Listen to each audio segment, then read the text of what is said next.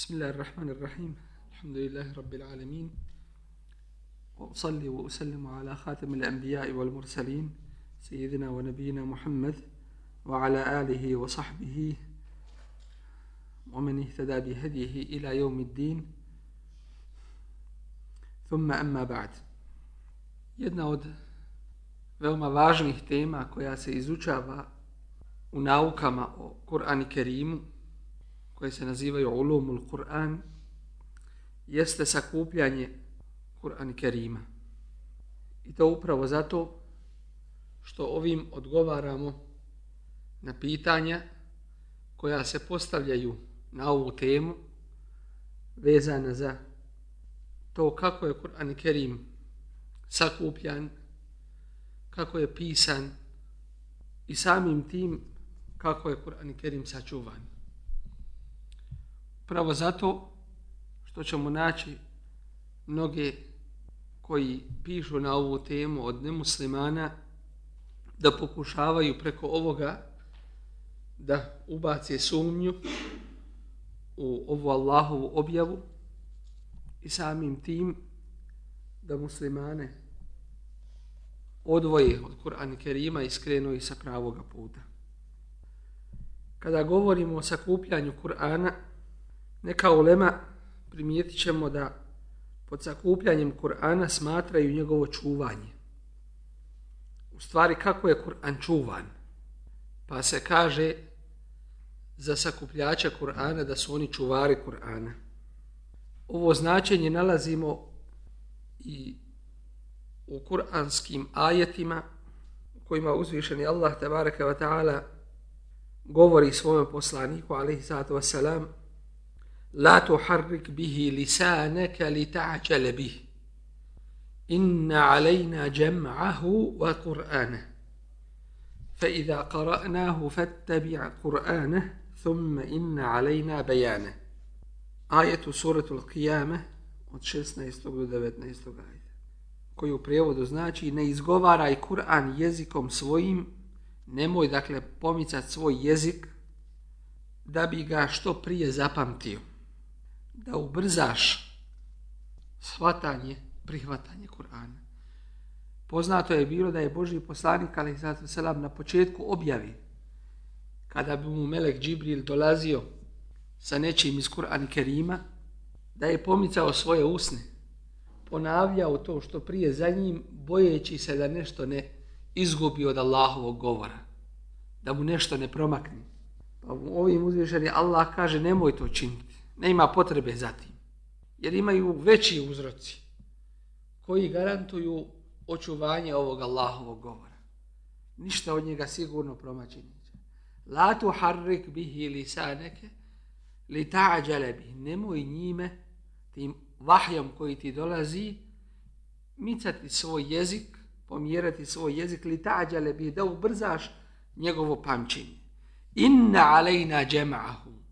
Na, nje, na nama je njegovo sakupljanje u značenju čuvanje. Ne boj se, ništa neće promaći. Wa Kur'an i njegovo učenje, fa idha qara'nahu fattabi' Kur'ane. Pa kada ga mi učimo, onda ti slijedi njegovo učenje. Thumme inna alejna bejane. Zatim je na nama da ga obejanimo, da ga pojasnimo. Drugo značenje sakupljanja Kur'ana je njegovo pisanje u cijelini. Razdvajanje ajeta i, sur, i sura ili, ili redoslijeda ajeta i sura kao i raspoređivanje ajeta na određenu stranicu i sakupljanje njih u sure jedne iza drugih. I to se naziva sakupljanjem Kur'ana. Dakle, sakupljanje Kur'ana ima dva značenja. Jedno je čuvanje Kur'ana, a drugo je njegovo pisanje. Kako je bilo sakupljanje Kur'ana u značenju njegovog učenja na pamet u vrijeme Resula alaihi sallatu wasallam? Resulullah sallallahu alaihi wasallam je bio mnogo vezan za vahij i svim srcem je iščekivao dolazak Džibrila a.s. Vidjet ćemo kako mu je teško bilo u periodu kada je taj vahij u jednom periodu zaostao, kada nije mu dolazio. Pa su mu počeli mušici govoriti tvoj šeitan te napustio koji ti je bio dolazio. Pa onda uzvišen je Allah tabaraka wa ta'ala objavljuje suratu duha u kojoj nagovještava nastavak vahja i nagovještava pobjedu ove vjeri. On je, eh, Resulullah sallallahu sallam, pamtio je i razumio Kur'an, što nam je uzvišeni Allah kaže inna alejna džema'ahu wa Kur'ane. Na nama je njegovo sakupljanje, dakle njegovo čuvanje i njegovo učenje. Resulullah sallallahu sallam je bio prvi koji je zapamtio Kur'an i u tome je bio primjer svojima sahabima. Nekada je bio objavljen samo jedan ajet, nekada jedan dio ajeta, dakle ne cijeli ajet, a nekada i po deset ajeta, nekada i cijela sura. A ashabi bi sve to pamtili i prihvatali u svom životu. Naći ćemo hadisa u kojima se kaže da su postojala sedmorica po jednom rivajetu, a po drugom osmorica onih koji su pamtili Kur'an Hafiza. Međutim, to ne znači ograničenje samo na njih. Jer postoje spisi u sunnetu i knjigama sire koji dokazuju da su se ashabi natjecali u pamćenju Kur'ana. A učili su i svoje žene i djecu Hifsu. U noćnim namazima bi oni učili Kur'an i kada bi neko prošao Medinom iz njihovih kuća bi čuo zujanje poput zujanja pčela. Poslanik bi sallallahu alejhi ve sellem prolazio pored kuća Ensarija i slušao bi njihovo učenje. Spominjanje ove sedmorice ili osmorice Hafiza u vrijeme Božijeg poslanika alejhi salatu vesselam karakteristično je po tome da su oni bili ti koji su sve do tada objavljeno naučili. Dočim onih koji su pamtili nešto iz Kur'ana, bilo je puno više. Tako da je Kur'an i u tome periodu prihvatan mutavatir predajom. Dovoljan je dokaz da je Hafiza Kur'ana bilo puno više iz događaja koji se desio na bunaru Meune, gdje se kaže za one koji su bili ubijeni u toj bitci da su učače Kur'ana, a bilo ih je 70. Kako je bilo sakupljanje Kur'ana u značenju njegovog zapisivanja u vrijeme Resulullaha sallallahu alaihi ve sellem? Kur'an do nas nije prenesen samo pamćenjem i rivajetom, nego je Resulullah sallallahu alaihi ve sellem odabrao pisare objave između svojih ashaba, poput Alije, Muavije, Ubej ibn Ka'ba, Zejda ibn Thabita i drugih ashaba. Kad god bi neki ajet bio objavljen, on bi im naredio da ga zapišu i ukazivao bi im na njegovo mjesto u suri, tako da je njegovo pisanje bilo u redovima, a, pem, a pamćenje Kur'ana je bilo u srcima ashaba. Bilo i ashaba koji su pisali Kur'an, a da im to Resulullah sallallahu alaihi ve sellem nije naredio. Dakle, mimo ovih zvaničnih pisara vahja, bilo i onih koji su za sebe pisali nešto od Kur'ana, neke sure ili ajete iz Kur'ana. Pisanje Kur'ana je bilo na kori od drveta, listovima, pločicama, koži i drugome što su imali u to vrijeme. Sve ovo ukazuje na njihovu veliku ljubav koju su posvećivali pisanju Kur'ana, jer u to vrijeme sahabi nisu imali drugih sredstava za zapisivanje i bilježenje Kur'ana. Džibril, Allahov melek, vahja, Allahove objave, dolazio bi svake godine u noćima Ramazana i ispitivao bi Resulullaha sallallahu alaihi ve selleme Kur'an. Također bi ashabi dolazili kod poslanika, ali selam i izlagali bi mu ono što je kod njih zapisano i ono što su upamtili od Kur'ana. Treba napomenuti da ovo zapisivanje Kur'ana u vrijeme Resulullaha sallallahu alaihi ve sellem nije bilo sakupljeno u mushaf na jednom mjestu u jednu knjigu. A prenosi se da su Alija radijallahu anhu, Muaz, Ubej, Zaid ibn Thabit, Abdullah ibn Mesud radijallahu anhu međma'in, da su posjedovali čitav Kur'an u vrijeme Resulullaha sallallahu alaihi ve sellem. Kada je preselio na Ahiret, Resulullah sallallahu alaihi ve sellem, Kur'an je bio sačuvan u srcima ashaba pamćenjem, a u isto vrijeme je bio zapisan na stranicama. Ali kao što smo rekli, nije bio zapisan u jednoj knjizi Mushafu, zvanično među ashabima.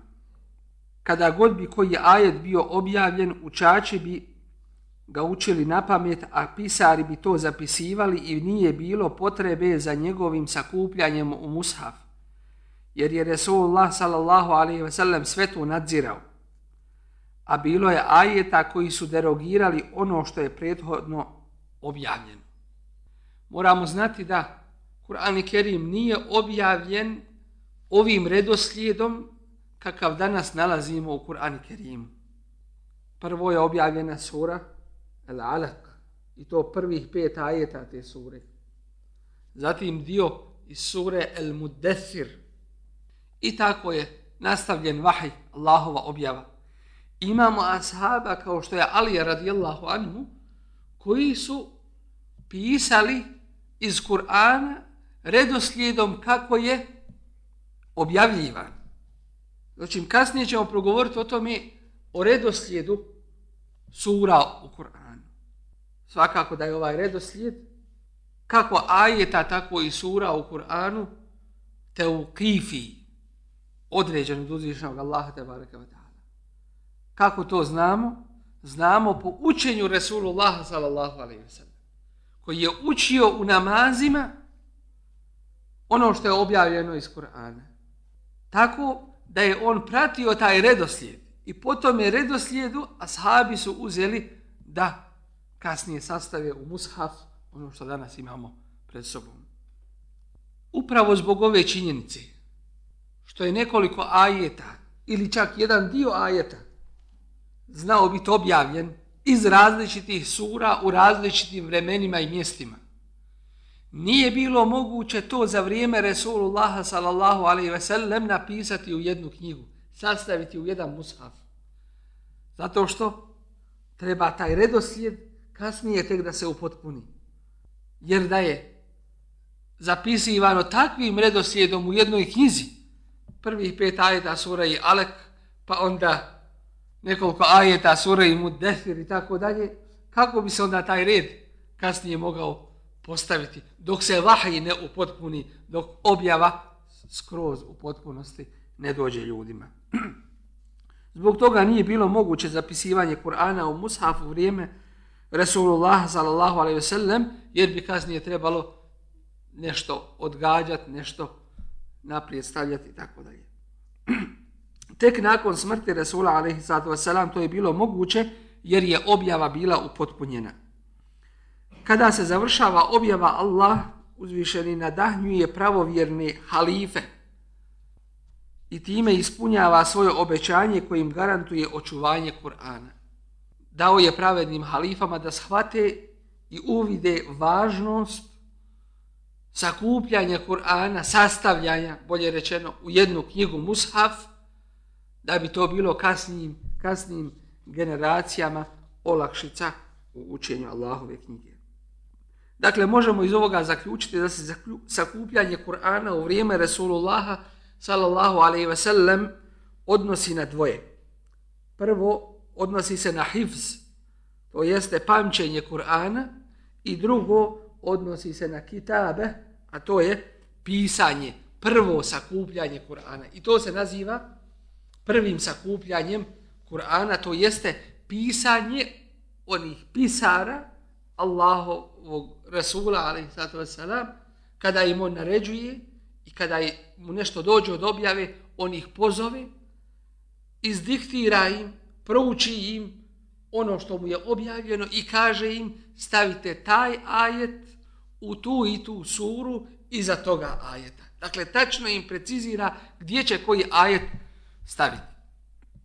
Upravo zbog toga da bi se Allahovo obećanje ostvarilo u kuranskim riječima inna nahnu nezzelne zikra wa inna lehu lehafizun. Zaista smo mi objavili opomenu Kur'an i zaista ćemo ga mi se čuvati. Dakle, da se ne bi desilo kao ono što se je desilo sa prošlim objavama. S jedne strane da bi bili onemogućeni oni koji su htjeli da nastave svoju borbu protiv ove vjere, da je prebace sa područja oružane borbe na područje iskrivljavanja Allahove objave Kur'ana Kerima, dakle da se oni onemoguće u tome. I drugo, da se spriječi gubljenje bilo čega iz Kur'ana Kerima, makar se radilo o jednome harfu, o jednome slovu iz Kur'ana. Dakle, kao jednu potpuno očuvanje Allahovog vahja. Sakupljanje Kur'ana u vrijeme Ebu Bekra radijallahu anhu. Poznato nam je da nakon smrti Resulullaha sallallahu alaihi ve sellem da je vođstvo muslimana preuzeo Ebu Bekr radijallahu anhu kao pravedni halifa. On je imao velike neprilike sa Arapima koji su se odmetnuli od Allahove vjere. Pripremio je veliku vojsku koja će im se suprostaviti. I u bitci na Jemami 12. godine po Hidžri poginulo je 70 učača Kur'ana.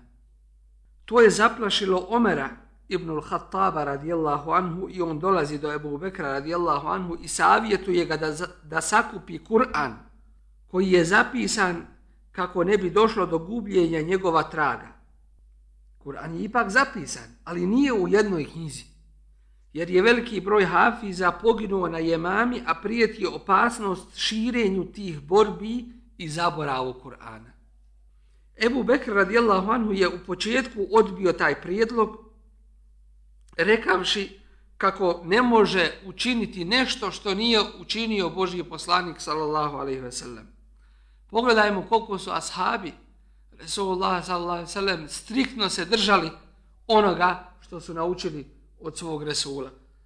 Dakle, kada bi im došao neko sa prijedlogom i ovakve vrste za što bismo mi rekli danas, pa to je pitanje tehničke prirode, da se sakupi Kur'an, da se koristi među muslimanima, lakše i tako dalje, ipak u svemu su gledali da slijede hedji i uputu Resula, alaihi salatu wasalam, pribojavajući se da bilo šta novo ne uvedu u ovu vjeru.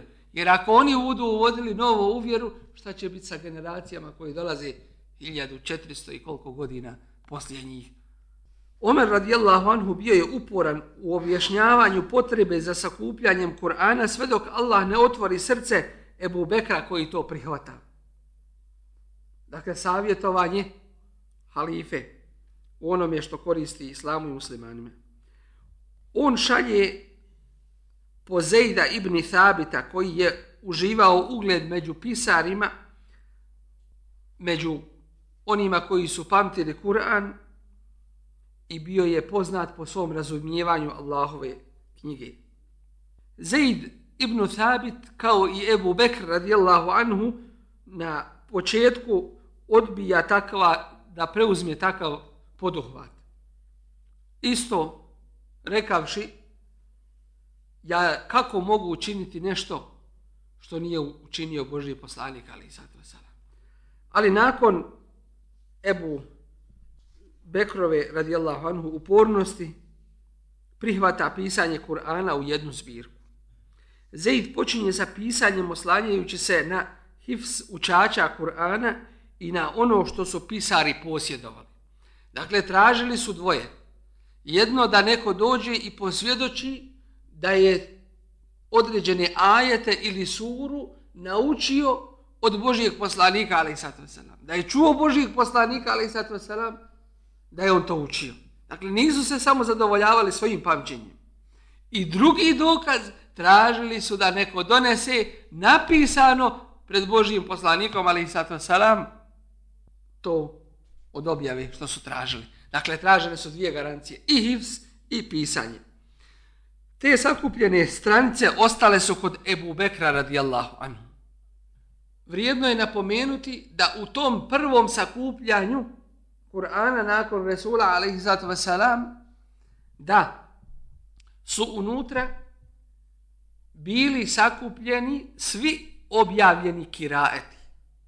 Svi sedam harfova po kojima se Kur'an učio tada Allahovom objavom.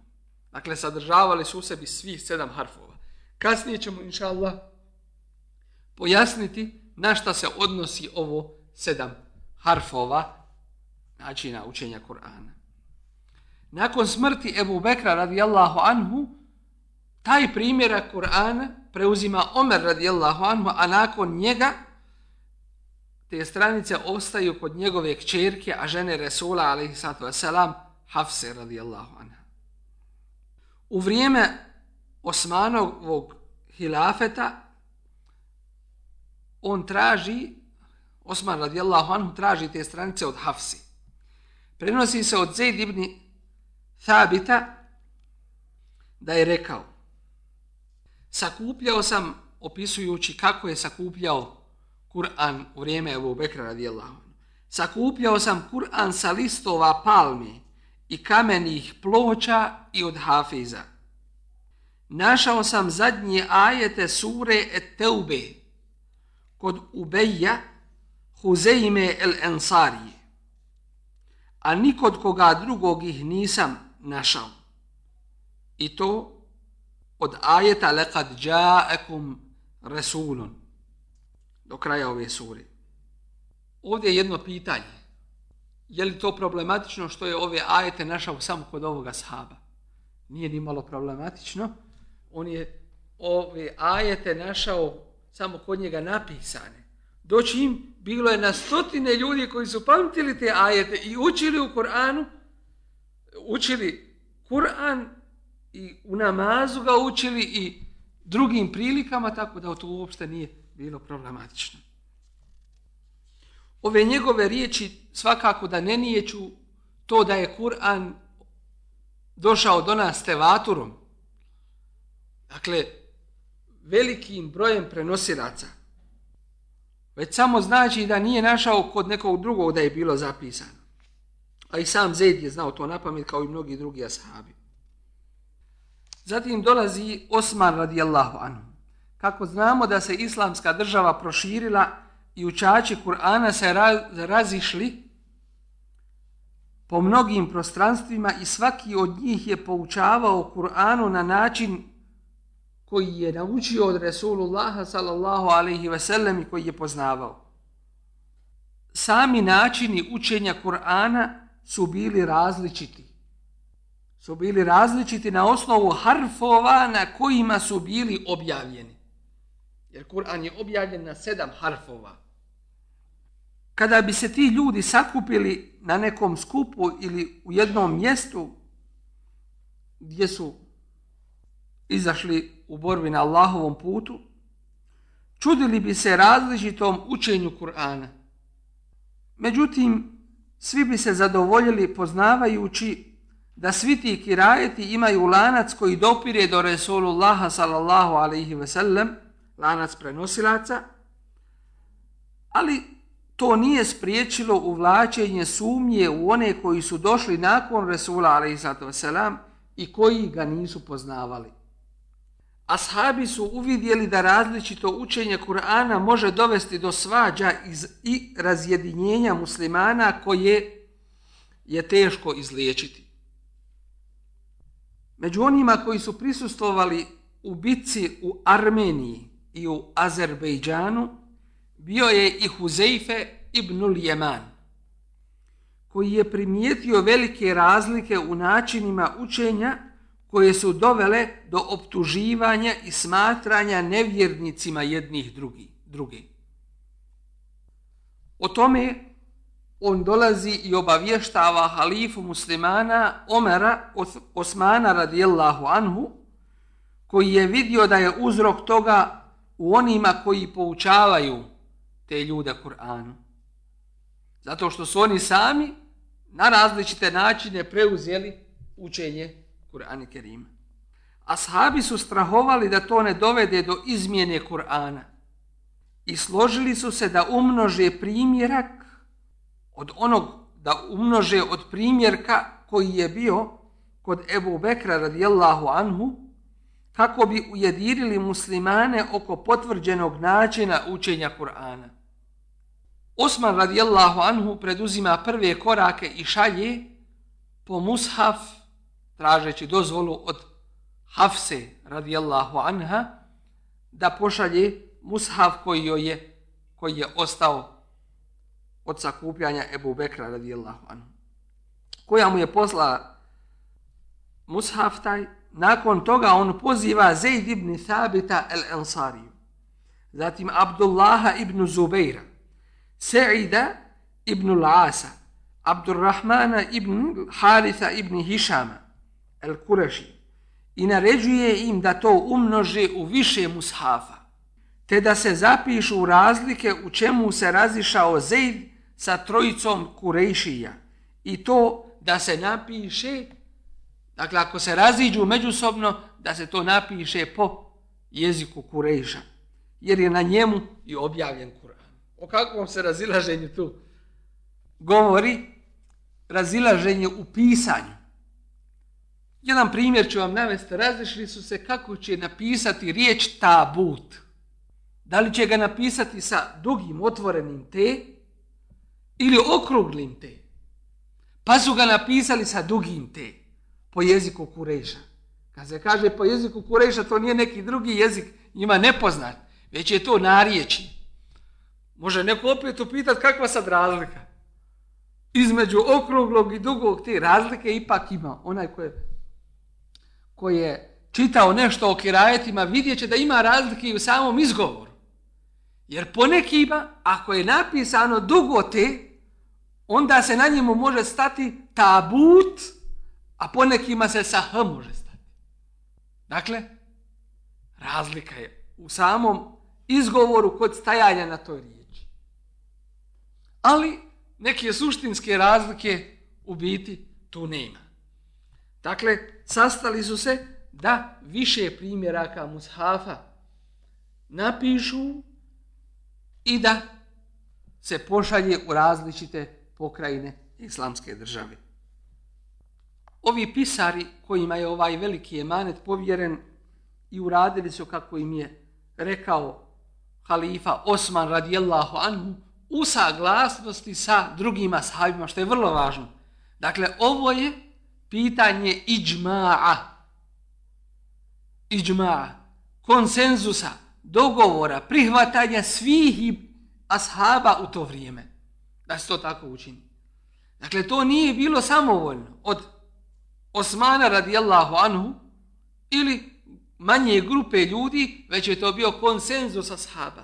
Da je nešto u tome bilo, ashabi bi rekli, mi se ne slažemo sa tim. Bar bi se zapamtilo da, su ne, da neki su se protiv toga pobunili, ali to se nije desilo. Osman je vratio stranice Hafsi, koje je preuzeo od nje, nakon pisanja ovih nekoliko primjeraka Mushafa, a u svaku pokrajinu je poslao po jedan primjerak mushafa. Naredio je da se svi primjerci koji su mimo toga spale. Da ne bi došlo do fitneta među, među ljudima. Imate ovdje primjerke, ove koji su provjereni uzimajući svjedočenje ashaba i pismo u vrijeme Resula alaihissalatu wasalam i po ovome učite. Što je vrlo značajno da se spomeni, to je da je ovaj mushaf napisan na jednome harfu. Na jednome harfu je ovaj mushaf napisan. Da ne bi dolazilo među razilaženja među ljudima. O ovome pitanju ćemo se podrobnije pozabaviti kod govora o kirajetima i o harfovima različitim učenja, učenjima Kur'ana Kerima. Ali ovdje samo da ukratko napomenem. To da je Kur'an Kerim na početku objavljen i objavljivan samo na jednome harfu. Samo u jednome obliku. Pa se Boži poslanik, ali i sato veselam, obratio, kada mu je došao Džibril, rek, rekavši mu, zamoli uzviženog Allaha da nam poveća. Jer među mojim ummetom ima starih, nemoćnih i nepismenih. Pa mu je povećao do sedam harfova. Dakle, u početku je bio samo jedan način učenja Korana. A kasnije, kada su plemena razna ulazila u islam, primijetit ćemo da imaju svoje dijalekte, po kojima im je teško učiti Kur'an onako kako je objavljen po kurejžijskom dijalektu. Određene harfove. Pa im je uzviženi Allah tebareka wa ta'ala dozvolio da mogu učiti na sedam načina, na sedam harfova. Ali to učenje nije bilo proizvoljno. Da neko može zamijeniti jednu kuransku riječ drugom. Ne, nikako. Već samo onako kako je uzviženi Allah objavio. To znači da su i harfovi, to jeste različiti načini učenja jedne riječi u Kur'anu objavljeni od uzvišenog Allaha te baraka kao olakšica ljudima. Upravo zbog toga da oni koji nisu bili u mogućnosti da uče po kurejžijskom dijalektu, da uče po onome što im je uzvišenje Allah olakšao kroz ove harfove. I tako je vrijeme prolazilo dok se muslimani sa svojim osvajanjima nisu proširili. Među ne Arape, među ljude kojima arapski jezik nije bio maternji jezik. Tako da oni koji su učili arapski jezik i učili Kur'an, sasvim je svejedno bilo hoće li učiti po ovome kirajetu, po ovome harfu ili po drugom harfu. Ali to kod onih koji nisu bili čvrsti kod, u islamu, ili su novi bili, u učenju Kur'ana stvaralo je zabune. Poteškoće. Pa smo vidjeli u ovome spomenutom rivajtu da su čak neki nazivali jedni druge kafirima. Ili su neki govorili moj kirajet je bolji od tvog kirajeta. A sve je to Allahova objava. Da ne bi došlo do te fitne, Osman radijallahu anhu uz saglasno sa sahaba vraća vraća ono što je objavljeno iz Kur'ana Kerima na onaj prvobitni oblik kako je objavljen po Kur'an Kerim po kurejšijskom dijalektu. Svakako da ovdje ništa iz Kur'ana, alhamdulillah, nije, nije izgubljeno. Isla, Kur'an je ostao kakav jeste, kakav je objavljen. S tim što nije više bilo potrebe za onom olakšicom. Ali i pored toga mi danas u, to, u granici toga jednoga, u granici toga jednog harfa imamo deset mutevatir kirajeta. Mimo toga imamo još četiri koja su ahad, nisu mutevatir, ali su opet prihvaćene. I mimo toga imamo na desetine kirajeta koji su daif, koji ne udovoljavaju uslovima prihvaćanja hadisa, da bi se nešto moglo prihvatiti, a šart i uslov za prihvatanje Kur'ana jeste jeste da je prenesen mutevatir predajom i da se slaže sa mushafom napisanim u to vrijeme.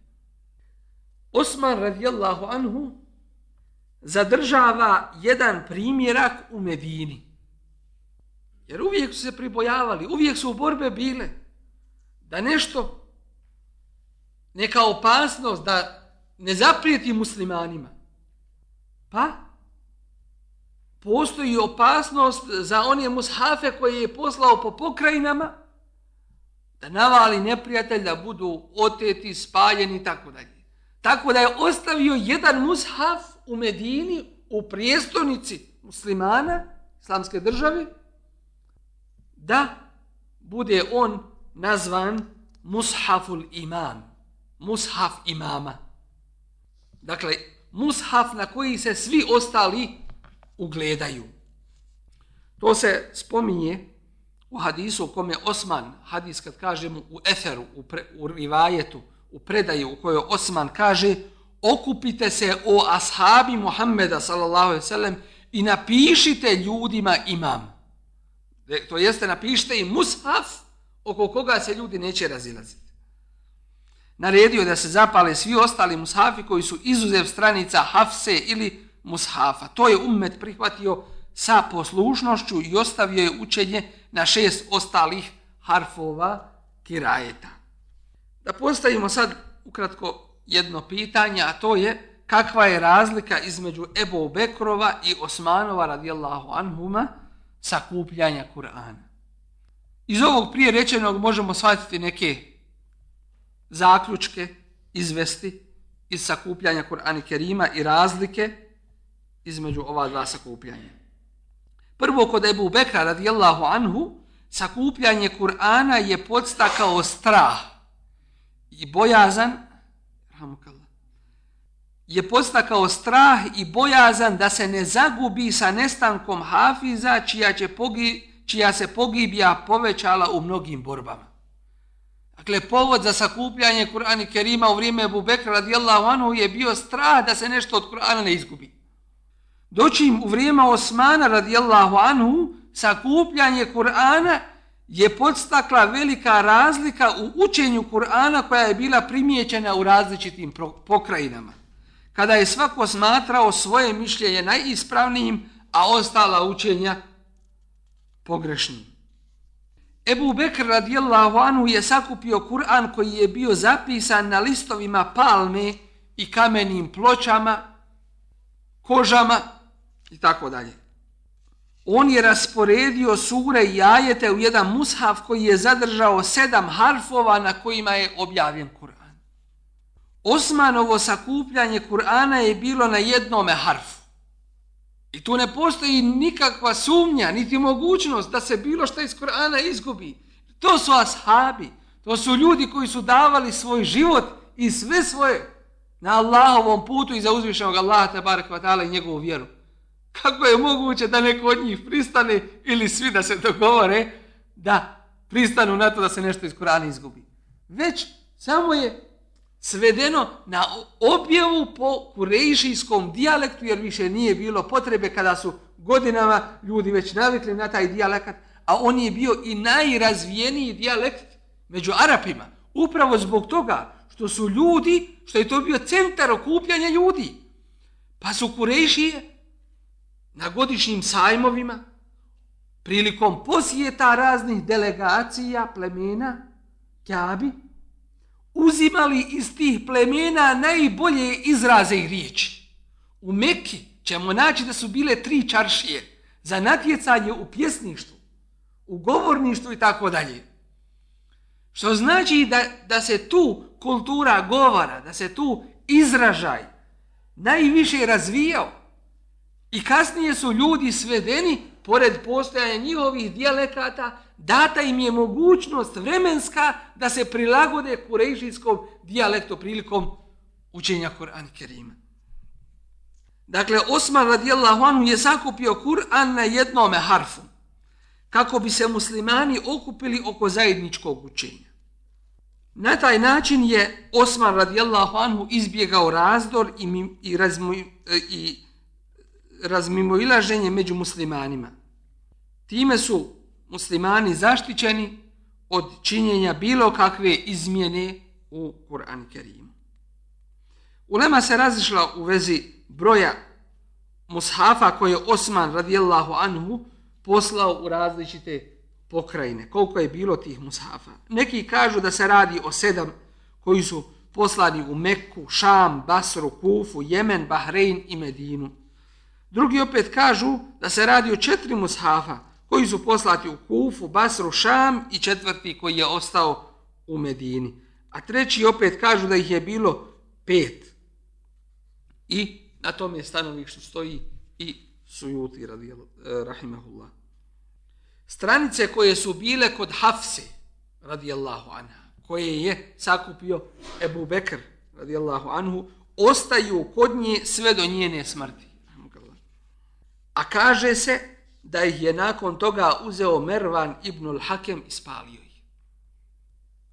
Zašto? Jer nije bilo više potrebe. Ljudi nisu u tome smatrali svetost.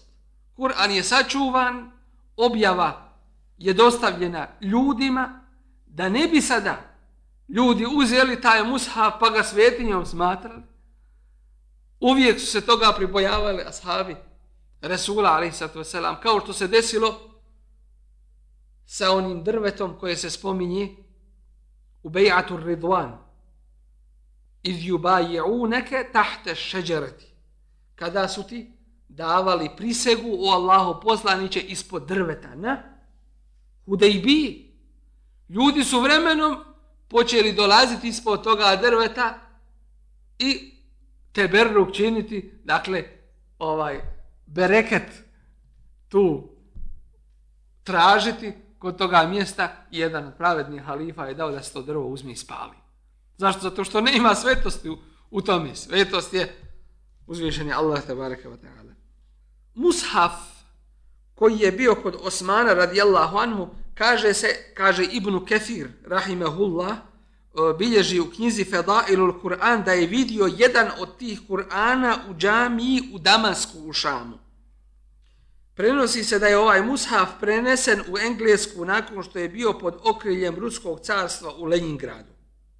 Danas se navodi da se primjerak ovoga mushafa koji se može vidjeti mi koji smo išli da e, vidimo da vidimo taj mushaf vidjeli, vidjeli smo ga u Top Kapi muzeju u Istanbulu. Mushaf koji je, os, koji je e, Osman radijallahu anhu učio u času kada je bio ubijen.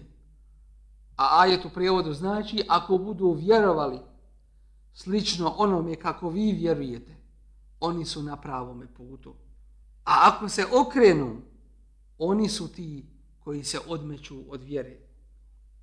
A Allah će ti biti dovoljan. On je taj koji sve čuje i sve zna. Dakle, taj primjerak Kur'ana navodi se, kažu da je to taj primjerak nad kojim je ubijen Osman radijallahu anhu, očuvan do današnjih da, dana. Osmanovo sakupljanje Kur'ana se naziva trećim sakupljanjem Kur'ana, dakle, u vrijeme Božijeg poslanika, ali sad sam, zatim u vrijeme Ebu Bekra i nakon toga u vrijeme Osmana radijallahu anhu i to se desilo 25. godine po Hidžri. Iz ovoga vidimo koliko su pažnju muslimani predavali, pridavali Allahovoj objavi, Kur'an i Kerimu, kao osnovi ove vjere i kako su radili na tome da se proširi ova Allahova objava. Zakon